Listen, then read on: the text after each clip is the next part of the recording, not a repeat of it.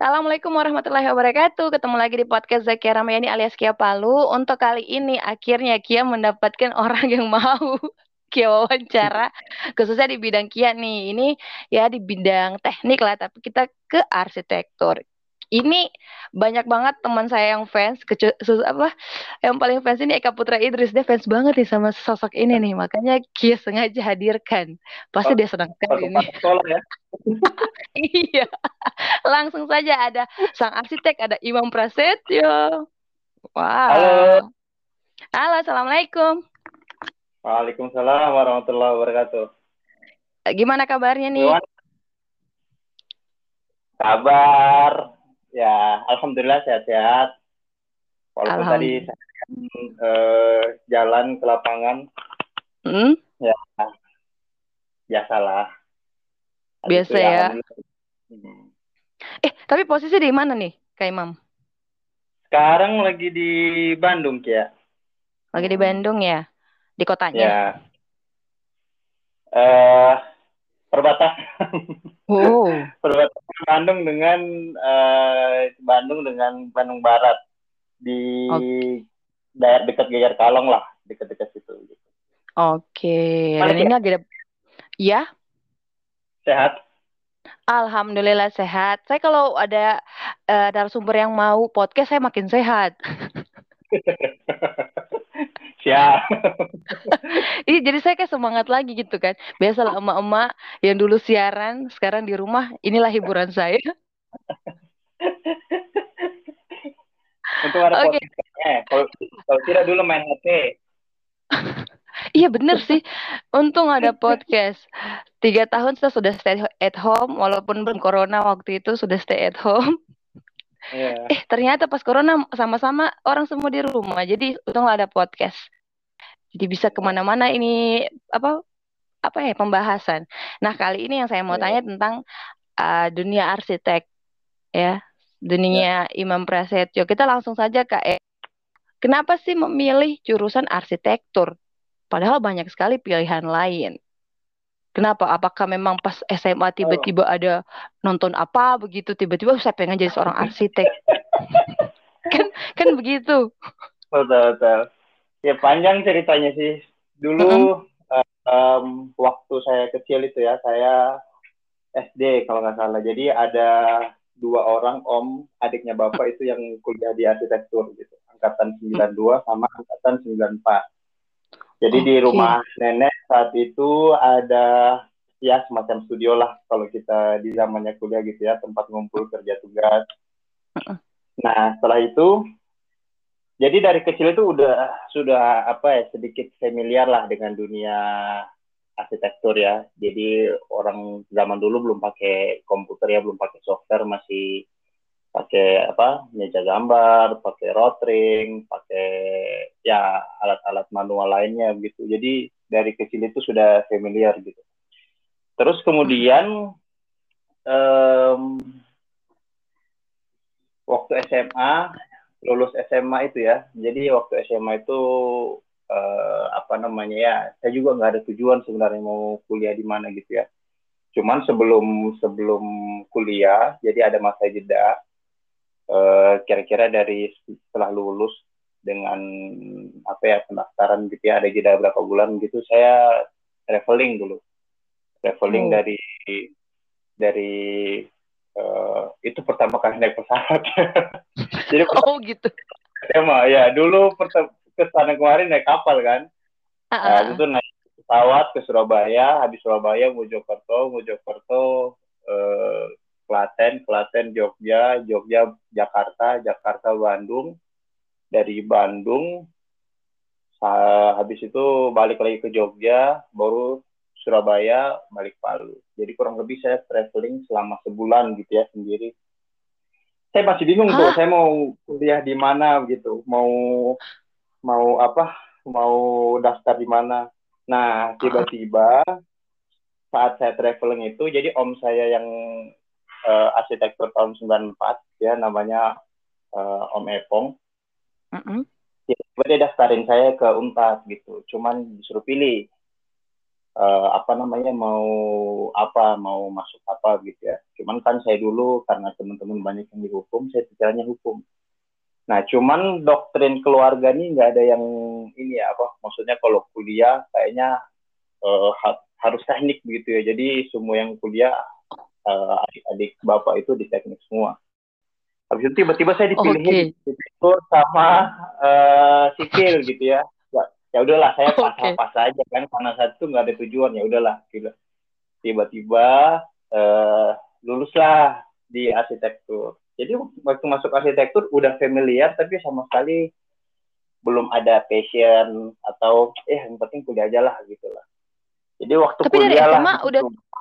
Udah suka gambar nggak sih waktu SMA Enggak sih jadi SMA gambar saya tidak begitu bagus, tapi uh, logika apa namanya uh, kemampuan meruang masih bisa, cuman untuk menghayalnya bisa bisa sampai jadi seperti apa, tapi untuk sketsanya saya agak lemah gitu, ya. apalagi gambar-gambar karikatur gitu saya agak lemah gitu. Oke. Okay. Jadi basic sih ya, cuman tiba-tiba kecemplung aja gitu ya tiba-tiba ditolak ibarat ibaratnya di pinggir kolam gitu ya terus tiba-tiba dicebur masuk gitu ya begitu masuk ternyata ya pertama, eh, pertama kali tugas waktu dulu itu masa orientasi ya buat market itu saya sudah familiar ya maksudnya sudah sering lihat orang pakai uh -uh. Cara gimana. Akhirnya mulailah uh, muncul kayaknya enak kayaknya ya masuk arsitek kenapa? Karena saya kurang begitu suka yang sifatnya sangat uh, saintis. Misalnya seperti kimia. Sama uh -uh.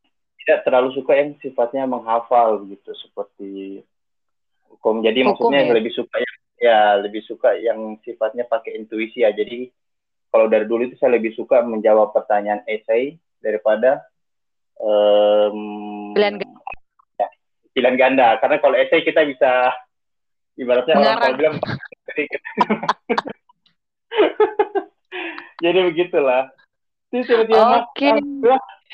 kayaknya cocok ya maksudnya arsitek kan banyak banyak yang intuisi gitu ya banyak yang uh -uh. apa tidak terlalu apa ya tidak terlalu paten gitu ya atau baku gimana bahasanya jadi lama kelamaan makin oke okay, makin oke okay, makin oke okay. ah kayaknya ini cocok menjadi hobi sekaligus sesuatu yang bisa menghasilkan gitulah oke, jadi kan. passion ya ya okay. benar ih tapi apa unik ya soalnya eh mungkin ya. ya, ya namanya orang dipaksa gitu ya. Cuman mungkin memang di saat itu masih kosong nggak ada pilihan. Ya ya namanya keluarga keluarga teknik ya. Kita bukan di kampus ya. aja didominasi senioritas. Ternyata di rumah juga. Ada senioritas. Nggak ada di teknik itu. Ada yang lain. Iya, itu bener banget tuh. Aduh. Tapi bersyukurnya bertahan nih karena banyak ya. loh yang masuk teknik eh angkatanku ya saya di sipil masuk 200 tinggal 100 bayangin gak tuh hilang 100 iya 50 persen. Uh, ada yang udah menyerah gitu ya udah nggak tahu kabur ke mana udah hilang aja. Nah waktu awal masuk tapi memang kan udah sering lihat kerjaannya tapi kan kuliahnya nggak tahu kan kalau sistemnya ya. keras. Ya benar. Gimana, gimana tuh perasaan? Oh, kok gini ya kuliahnya kalau keras kan dulu dulu tuh ya waktu SMA katanya kalau masuk teknik uh, apa namanya susah terus habis itu uh, sibuk. Ya memang benar sih susah sibuk. Cuman kayaknya apa ya ya ada baiknya juga sih. Jadi waktu kuliah itu jadi apa namanya kita bisa lebih lebih apa ya ibaratnya waktu tidak terbuang sia-sia lah. Karena kalau banyak waktu kosong ya mungkin kita jadi ngurusin yang lain yang lain yang lain gitu ya. Ya begitulah. Jadi pertama kali lihat udah nggak kaget sih. Karena dulu waktu kecil juga kan kalau hmm. om-om lagi pada ngegambar di rumah gitu ya ada yang gambar proyek maupun uh, kerja tugas saya sambil nonton apa namanya saya sambil dulu rumah saya sama rumah kakek itu berdekatan gitu ya tetanggaan gitu. Jadi saya nonton bola lihat sambil melihat mereka menggambar Oke, jadi memang sudah terbiasa melihat, ya. walau jadi udah paham aja gitu, oh em, udah Ya. rasa pasti gini ya nanti kerjanya. Istilahnya mikirnya pasti ujungnya kayak gini nih, kayak om saya nih, kan?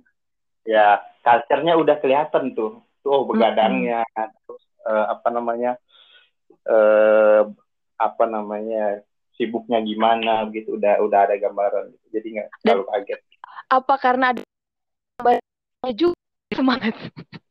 oh. Iya Kalau- kan? kalau uang gimana ya uang Gak terlihat saya ya? dulu nggak ya maksud- maksudnya uang saya dulu nggak kepikiran ah masuk ini untuk untuk apa ya untuk bisa dapat uang gitu ya saya cuman orang bilang apa ya ah eh, laksanakan kewajiban sebagai anak yang baik kuliah gitu ya. Tiba-tiba oh bisa ini juga ternyata. Karena kalau saya pikir uang saat itu saya sudah masuk ke MLM gitu. Karena teman saya ada yang ngajakin mam kalau kamu kuliah ujung-ujungnya cari uang mending kamu gabung sama saya sekarang gitu. Jadi Oh. jadi habis itu Oh, ada. Jadi saya tidak kepikiran untuk uang pada saat itu ya. Cuma kepikiran menyelesaikan tugas nah uang itu ternyata memang arsitek itu eh, bisa ya menjadi inilah sesu- eh, apa bisa menghasilkan sesuatu oke. Berarti ini apa ya basic presen- presentasinya ini dari MLM ya? Gak semua, gak semua anak teknik bisa presentasi me- meyakinkan gitu. Kalau bukan diajar dari MLM gitu kan? Oke. Terus tapi setelah nggak jalan Gak gue, berapa lama tuh? berapa lama jadi tuh? kayaknya cuma dua bulan kayaknya saya nggak mampu gitu ya harus tiap hari ngelobi orang gitu aduh Iya, gak ada waktu sih. Istilahnya kan gak ada waktu kitanya ya. Jangankan malam minggu, malam minggu aja tuh ya. Orang nongkrong di mana kita aja, wah malam minggu nih, saatnya kerja tugas sampai subuh. Kan gitu kan anak Iya. teknik. benar, benar. Kalau tanggal Wah, merah, wah merah nih. Senin gitu ya jadi kerjanya sampai sekarang kan gitu jadi di rumah itu udah nggak ada pola tetap tinggal ketika ada kerjaan yang deadline-nya tepat gitu ya deadline-nya apa namanya harus ya ibaratnya diburu gitu ya. Jadi bisa sampai berhari-hari lembur gitu. Tapi kalau kapan agak longgar longgar gitu Iya jadi ya sih. sangat sangat fleksibel gitu ya, tidak harus bukan pattern yang pagi berangkat pulang sore pagi. Ya Iya sih gitu enaknya. Nah, itu eh, salah satu kelebihan dari teknik ya. Kita bisa kerja lama banget, liburnya juga lama banget. Ya benar. Iya kan? Jadi bisa mengatur tuh, mengatur sendiri waktunya. Nah, setelah lulus S1, kenapa kepikiran lanjut S2? Kan ini kan Oh, terpaksa. Kan cuman saya cuma menjalankan tugas baik nih sudah selesai. Kenapa makin kecemplung nih, makin dalam? Iya. betul. Jadi waktu semester akhir itu ya, jadi saya nggak tahu gimana juga ya. Tiba-tiba di semester lupa saya semester 6 apa semester 7 gitu ya. Jadi saya tuh jadi semakin tertarik sama apa namanya sama dunia arsitektur ya. Sering baca-baca referensinya, sering nonton-nonton videonya, terus kemudian kayaknya kalau tugas menghasilkan sesuatu yang bagus, kita punya kepuasan sendiri gitu. Jadi waktu itu saya saya apa saya kuliah itu eh, mulai muncul tuh di semester semester akhir mulai fokus kayaknya ini asik juga di jalan. Nah proyek pertama yang terbangun pada saat kuliah itu juga pada saat cinta mulai tumbuh ibaratnya di dunia itu ya tiba-tiba dapat proyek proyek salah satu rumah orang penting di Palu gitu ya.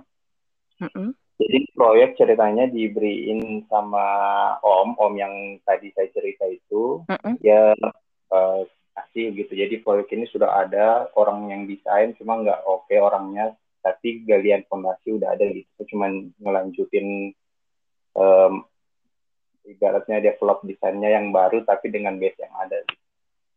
Terus tiba-tiba saya desain saya ya pikir out of the box ya. Saya coba-coba ternyata di approve sama orangnya. Karena orangnya orang yang punya orang orang ya orang yang cukup punya ini juga di Palu.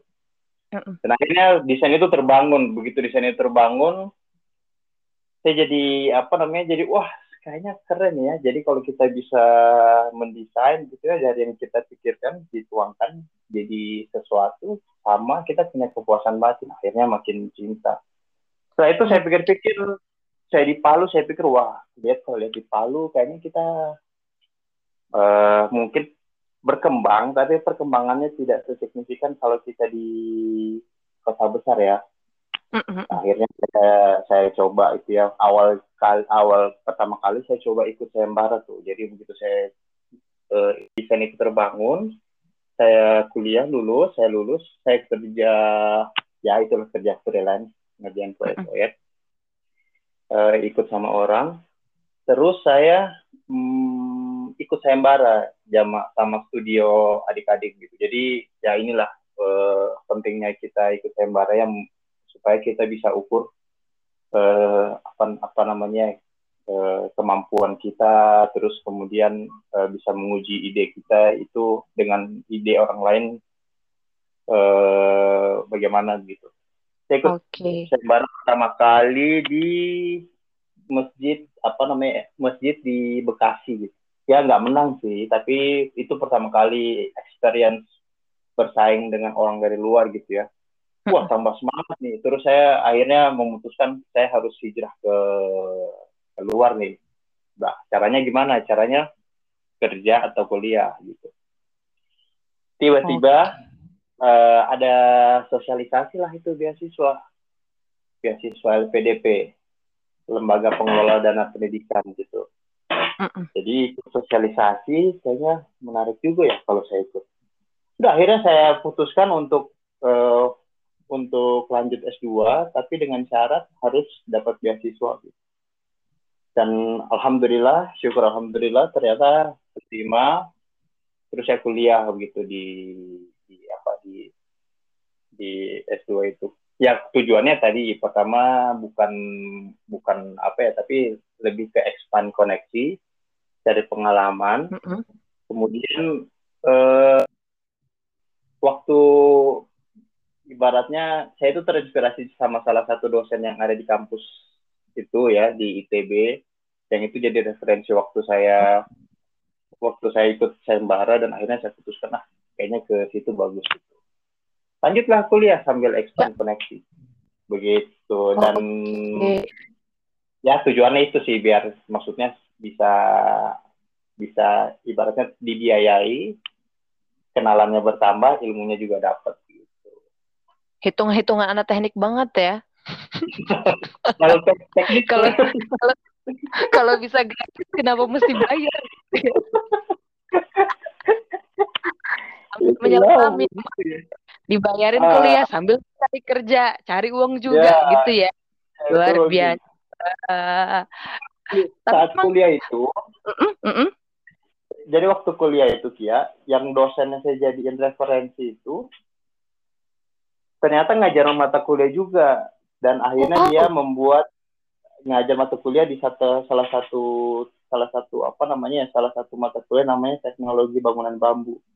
Dan saya ikut begitu saya ikut saya langsung ibaratnya menawarkan diri sama dia sebagai Pak saya mau jadi ibaratnya asisten gitu ya. Uh-uh. dan akhirnya Karena... sampai sekarang masih kerjasama gitu. Oh dosen siapa tuh namanya? Namanya Pak Andri Wijoyatnoko jadi yang desain masjid Palu itu uh, arsitek utamanya beliau gitu. Terus kemudian saya bareng dia yang ngedesain gitu. Oke, berarti memang dari idola akhirnya wah di kampus nih langsung yeah. dia sodorin nih. Pak saya mau jadi asisten. Manfaatkan banget ya. Iyalah yeah. idola depan mata kan. Uh, jadi sebenarnya bukan asisten juga. Dulu waktu mata kuliah itu karena teknologi bangunan bambu kan diwajibkan untuk jadi relawan. Oh gitu. Jadi relawan. Panjang nih ceritanya. Diwajibkan mm -mm. jadi relawan di Lombok gitu ya sebelum kejadian tsunami di Palu, sampai ada gempa di Lombok. Saya langsung daftarin diri ke, ke mata kuliahnya dan akhirnya pergi ke Lombok sebagai relawan. Nah tiba-tiba ada pemerintah dari Aceh yang ketemu sama uh, dosen ini terus dia bilang dia punya dana sekian untuk nyumbang katanya tapi maunya nyumbangnya masjid begitu dosen itu langsung nawarin ke mahasiswa siapa nih yang mau garap? Saya langsung angkat tangan pak saya pak. Gitu akhirnya. Pede ya. Saya pak.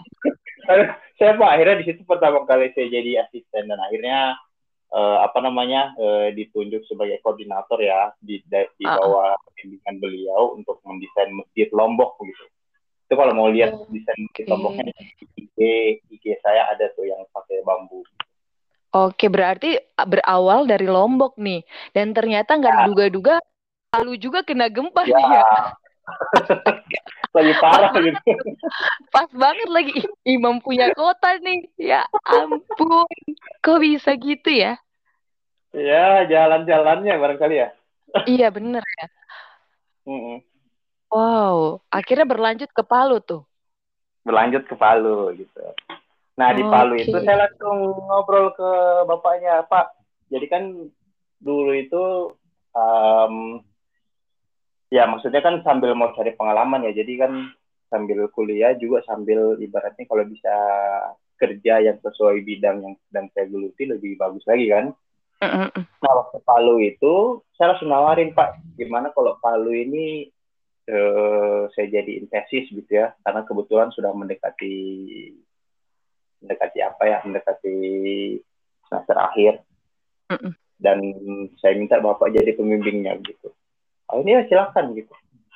Jadi itu saya desain selama tesis itu lumayan tuh studinya lumayan panjang dibimbing sama beliau. Alhamdulillah jadilah itu Masjid Palu Ih, luar biasa ya, dia manfaatkan banget ya momen yang ada. Aji mumpung banget ya. Pak, saya buatkan tesis ya Pak. Udah jadi tesis, udah jadi nih ya. Jadi juga masjidnya nih ya. Dapat juga uangnya, luar biasa ya Anda ya. Harus berlanjut dengan ilmu.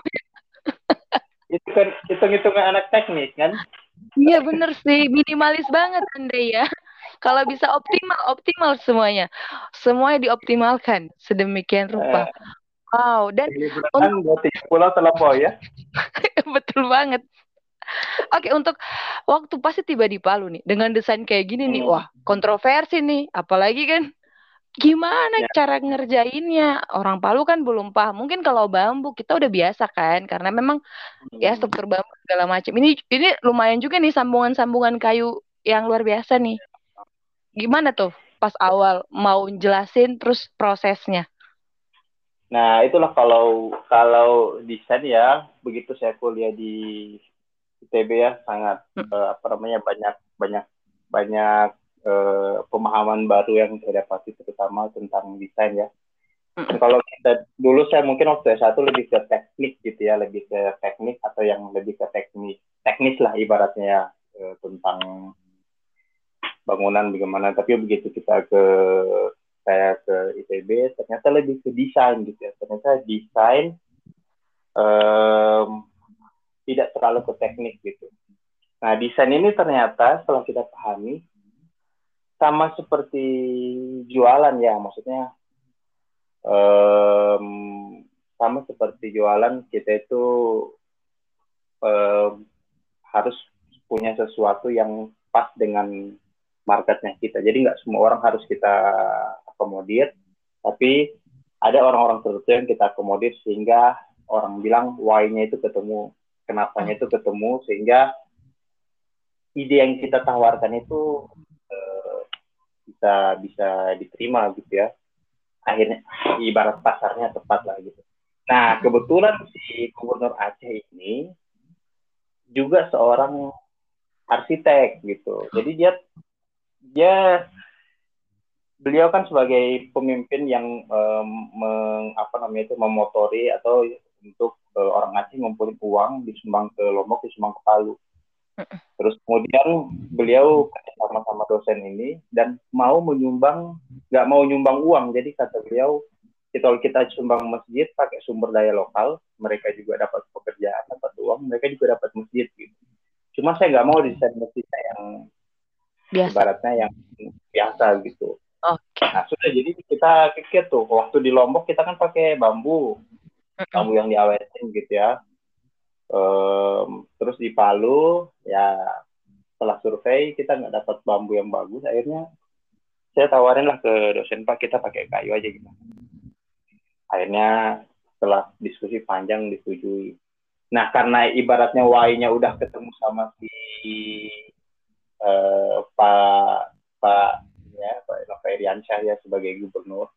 Jadi nggak sulit nggak sulit memaham, memahamkan lagi tentang desain harus begini begini begini. Dan ternyata memang harus begitu. Ibaratnya kalau Frank Gehry arsitek di USA terkenal ya arsitek yang dikonstruksi bilang buat apa?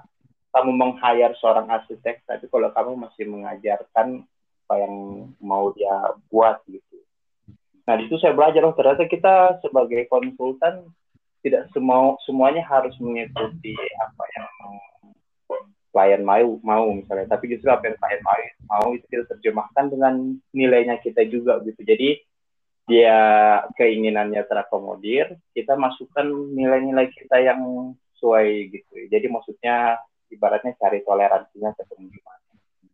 Okay. dan akhirnya Pak Gubernur approve gitu ya tentunya dengan konsep-konsep tadi ya konsep-konsep konsep-konsep yang kita tawarkan gitu.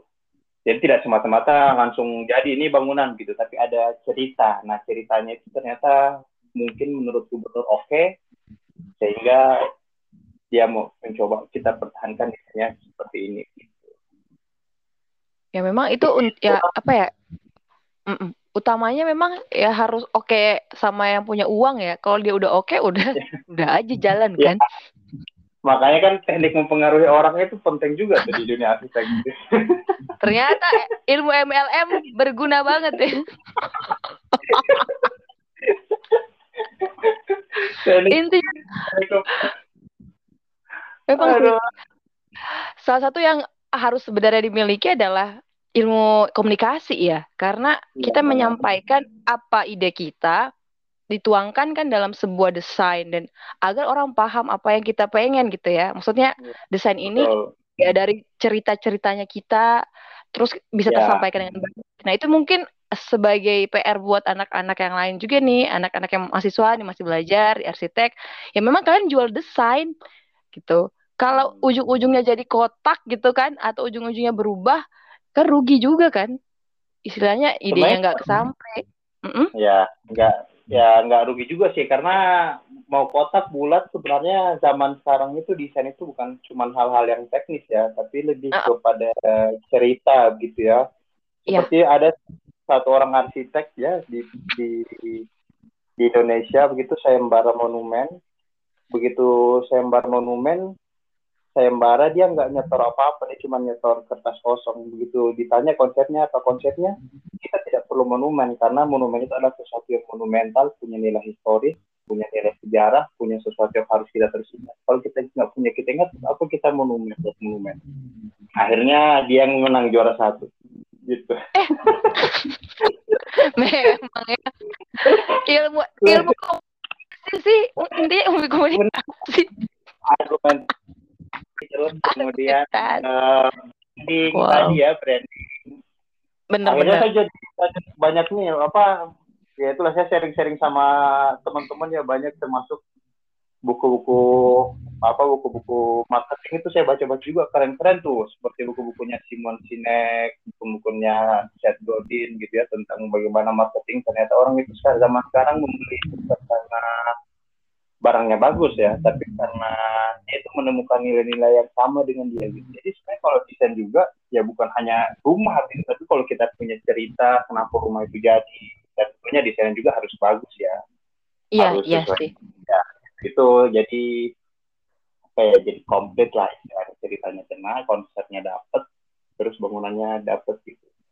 Makanya terus kayaknya zaman sekarang itu mm -mm. ini ya, kalau di itu yang saya maksudnya saya lihat kayaknya kurang ya kurangnya apa kurang kita kurang bangun apa namanya bangun bangun uh, argumentasi tentang desain kita ya sehingga kadang-kadang kita kalau orang bilang A kita ikut A orang bilang B kita ikut B orang bilang terusnya kita ikut agar orang gitu tapi kalau kita bisa develop cerita dari masing-masing desain, konsep dari kenapa itu muncul. Karena pertanyaan yang paling pertama harus ditanyakan dalam sebuah desain ya menurut saya itu adalah kenapa. Misalnya kalau kotak, kenapa kotak? Kalau bulat, kenapa bulat? Jadi tidak penting bentuk akhirnya. Bentuk akhirnya itu merupakan sebuah apa ya? Sebuah proses berpikir panjang dari kenapa tadi. Oke, berarti salah satu salah satu tips juga nih ya buat eh, teman-teman nih yang pengen menjadi seorang arsitek. Tapi apakah memang mungkin karena di Palu adalah kota kecil kan biasa bilang kayak gitu sih. Kita nggak terlalu butuh arsitek.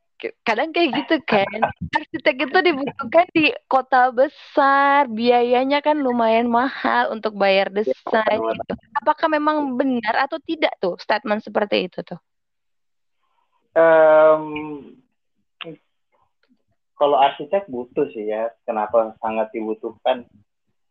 Ya ibaratnya kita bisa mengetahui sebelum jadi barangnya itu seperti apa ya. Kita bisa meng jadi ibaratnya hidup dengan perencanaan, dengan hidup yang hanya meng menggantungkan sama takdir itu pasti semangatnya beda gitu ya. Begitu hidup dengan perencanaan mungkin kita bisa tahu step-step untuk jadi bagus itu seperti apa gitu jadi resikonya bisa diminimalisir gitu terus kemudian kita bisa tahu nanti hasil akhirnya ekspektasinya seperti apa itulah gunanya jasa arsitek gitu jadi jangan bilang eh, ini arsitek mahal banget nih cuman apa cuman apa ibaratnya eh, kertas sama printer ya Padahal kan saya bukan kertas sama printer ya, tapi adalah intellectual properties yang ditempelkan ke dalam kertas itu gitu. Jadi sebenarnya semacam izin untuk menggunakan ide yang sudah kita kembangkan. Kalau mau Benar. misalnya silakan ke anak STM kan tidak ada masalah juga kan. Cuma yes, kan yes. ya kita kalau kalau sama apa namanya sama arsitek ya itu tadi tantangan arsitek itu bisa memunculkan sesuatu yang beda nggak kalau misalnya sama dengan anak STM juga ya mending saya sewa anak STM kan misalnya begitu. Nah, itu sih jadi nilai jualnya kita juga sih ya. Nah, ini teman-teman mungkin masih belum paham nih. Ini mungkin uh, Kak Ima bisa jelasin, sebenarnya penting nggak sih? Karena bukan cuma soal desain, bentuk ya dari sebuah arsitek itu sebenarnya penting banget minimal rumah aja kita butuh namanya arsitek karena yang paham ruangan, terus suhu, terus kecantikan, kenyamanan itu dari arsitek, bener nggak? Jelasin dulu deh man, mak, eh, apa manfaatnya kalau kalian didesain sama arsitek, sama yang bukan arsitek juga itu bedanya apa?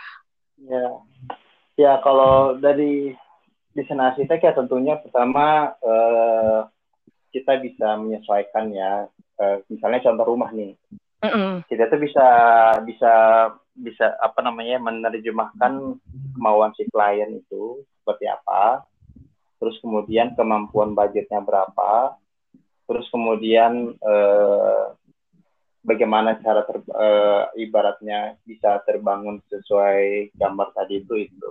Jadi maksudnya ya ibaratnya kita itu merencanakan di awal sehingga meminimalisir eh, resiko yang yang akan ini ya yang akan eh, terjadi. Kalau masalah bentuk bentuk itu hanya salah satu variabel gitu ya. Tapi banyak faktor-faktor lain ya kalau misalnya harus dipikirkan dan saya bilang tadi misalnya pencahayaan pengawaan kemudian eh, apa namanya itu eh, mood mood ruangnya seperti apa kualitas ruang atmosfer ruang terus kemudian strukturnya seperti apa itu kan harus di, harus dipikirkan cara matang ya gitu. Jadi kalau dibilang penting tidak penting sesuai kebutuhan sebenarnya tapi kalau mau misalnya kebutuhannya hanya rumah sederhana ya langsung beli ke developer aja gitu ya. Tapi kalau mau sesuatu rumah yang sesuai selera dengan budgetnya yang ada terus kemudian bisa mengetahui nanti bentuk rumahnya sebelum jadi seperti apa itu pentingnya sih oke okay. Jadi sebut teman-teman kalau mau buat rumah, kan ini kan biasa Kia uh, sering kasih info ke teman-teman kan. Mereka mau buat rumah, hmm. copy paste aja tuh di Google, ambil gambar rumah. Terus aku mau kayak gini nih. Dia nggak hmm. ya. Jadi teman-teman sebenarnya sebuah gambar rumah itu yang kalian lihat di internet belum tentu sesuai untuk lingkungan kalian ya. gitu kan. Misalnya di Palu. Betul, betul. Desain di Bandung ya, untuk yang suhu ruangan eh, suhu di Bandung mungkin dingin, kalian buat di Palu itu nggak akan bisa. Apalagi di Palu itu gempanya itu ya, untuk di peta gempa kita paling tinggi ya. kan. Itu pasti ya. beda. Beda dari konstruksinya, terus desainnya juga terus suhu di Palu luar biasa panas ya. Jadi memang tidak bisa copy paste seperti itu. Kadang saya menjelaskan nggak dipercaya Pak. Jadi mungkin Pak Imam yang menjelaskan lebih detail biar apalagi kan banyak di umurnya kita ini lagi bangun rumah nih ya. Pasti umur yeah. kita ini lagi bangun rumah, pengen rumah, apalagi ada anak, pengennya ya, rumah yang aman. Istilahnya kalau di Palu aman dari gempa pasti, gitu ya. Oh. Terus juga buat anak dan aman gitu di lingkungan sekitar. Nah, ya. Bisa dijelaskan, jangan sampai copy paste dari Google gitu ya. ya itulah tantangannya memang tantangannya uh, di Indonesia apa ya di ya di Indonesia terutama di kota-kota yang mungkin sebutlah kota berkembang ya yang namanya jasa itu tidak masih perlu banyak diedukasi orangnya tentang kenapa sih harus bayar mahal gitu kenapa sih harus pakai arsitek tidak dari Google aja?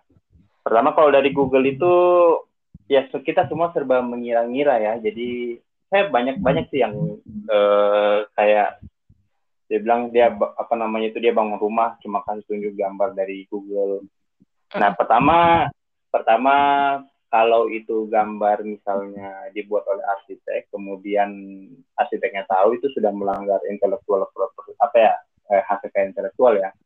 Tapi kalau misalnya cuma comot-comot gambar orang yang mungkin di apa di, upload gitu terus dibuat, tadi itu resikonya banyak sih. Pertama kalau eh, pertama betul belum tentu yang kita desain itu sesuai dengan uh, kondisi aktual lapangan, gitu ya, kondisi existing, misalnya terkait kapas, terkait kebutuhan, terkait uh, material dan terkait biaya. Gitu.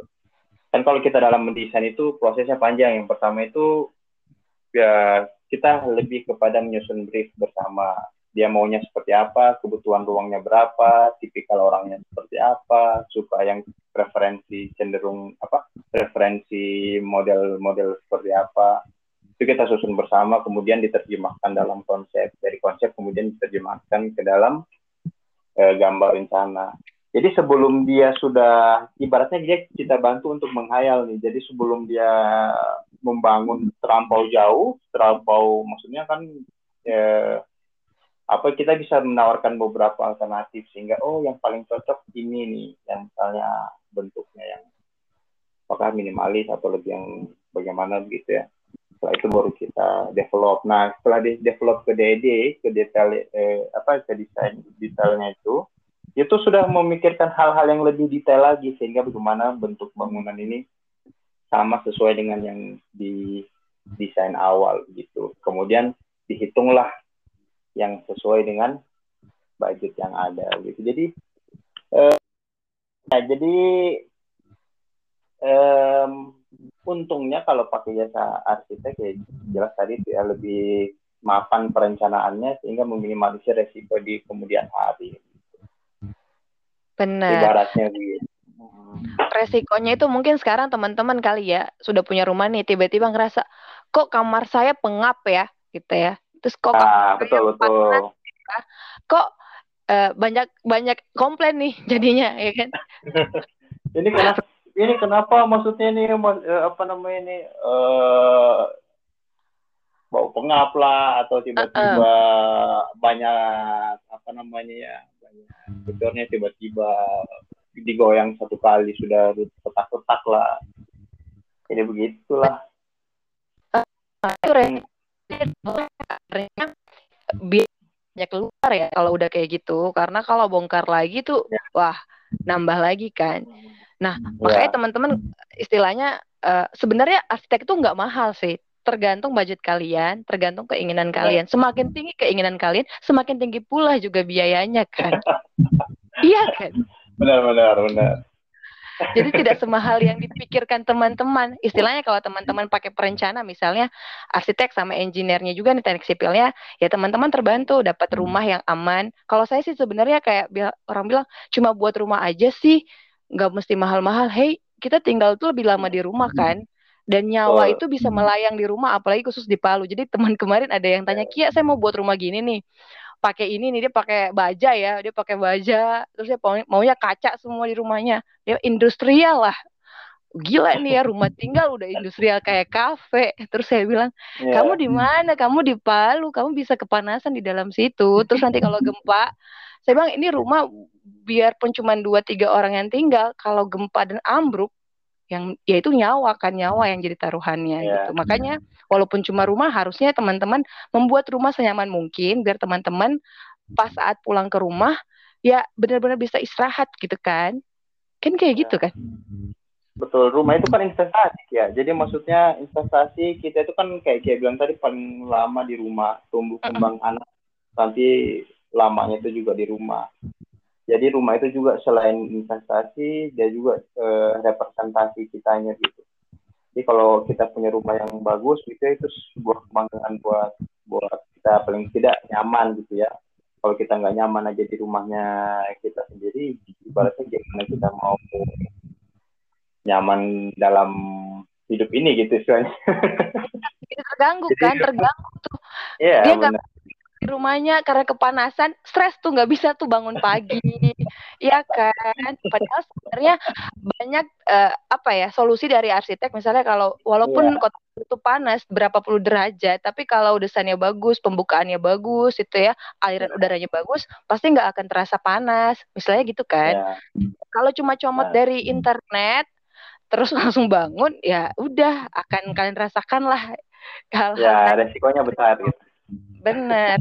Nah, ini terakhir nih buat mungkin terakhir pesan-pesan buat anak muda yang pengen jadi arsitek atau mungkin sekarang lagi berjuang nih ya sama mahasiswa kan kadang udah nyerah aku udah nggak sanggup kuliah di arsitek apalagi online gila aja desain online gimana yeah. tuh ya iya. dia menghitung secara online gitu jadi apa nih pesan-pesannya buat anak-anak muda yang lagi berjuang um, apa ya intinya eh, coba menyukai apa yang kalian kerjakan gitu ya karena sesulit apa pun pekerjaan ya. Tapi kalau kita punya rasa penasaran terhadap pekerjaan tersebut dan kemudian kita suka sama pekerjaan tersebut maka kita akan rela investasi waktu lama kita tenaga usaha atau mensisihkan semua energi kita untuk ke arah situ.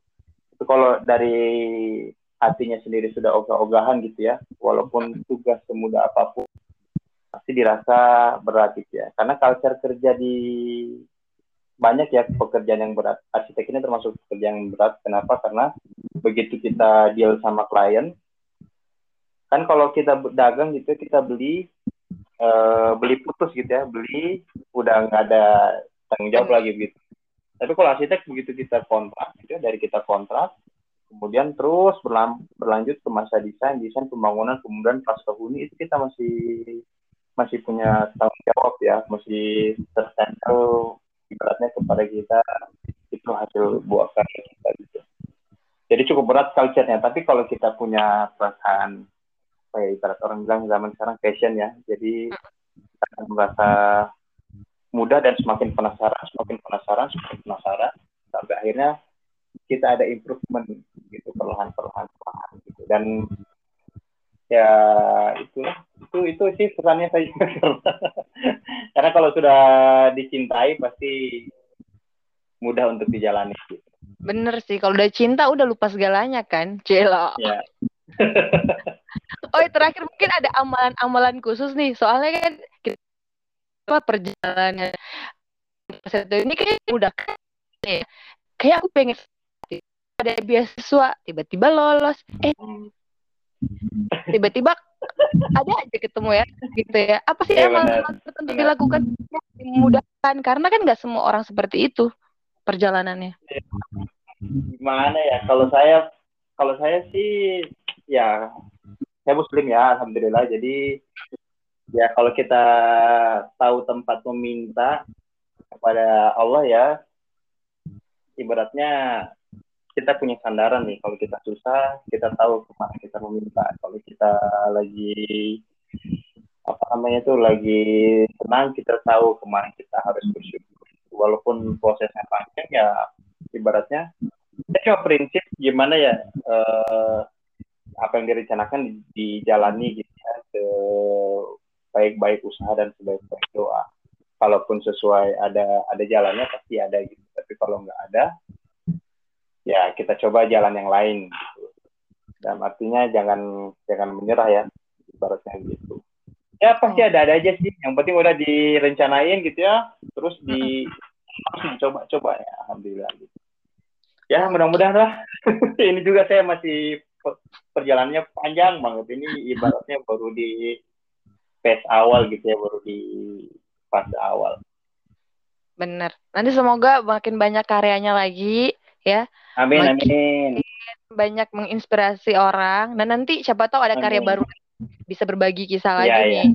Kan? Siap, siap. Terima kasih buat Kak Imam udah mau Sama ngobrol kita. Udah berapa SKS nih kita nih? Panjang banget ya. Tapi memang uh, senang sih uh, karena saya memposisikan dulu saya sebagai mahasiswa gitu kan masih pusing gitu, masih puyeng gitu. Kadang sudah melakukan tapi tidak terinspirasi. Apa yang akan saya lakukan setelah saya kerja nanti? Masih bla bla bla segala yeah. macam. Banyak hmm. perkiraan-perkiraan kan. Masih belum ya. pasti. Yeah. Nah, siapa tahu mungkin dari podcast ini bisa membuat teman-teman oh, dapat nih sesuatu yang bisa membuka jalan yeah. teman-teman bisa mudah dan bisa terinspirasi. Siapa tahu akan muncul arsitek-arsitek yang luar biasa lainnya gitu ya di Palu. Amin. Terima kasih buat Kak Imam. Sehat selalu sama uh, keluarga. Ya. Mohon udah mengganggu ya. Ya, nggak apa-apa. Nanti kalau di Palu ketemu bisa podcast langsung kayaknya asik ya. Oh, boleh, boleh, boleh. Siap, nanti baku kabar, baka, bakabari saja ya. Mudah-mudahan bisa ketemu. Terima kasih sekali lagi. Assalamualaikum. Ya.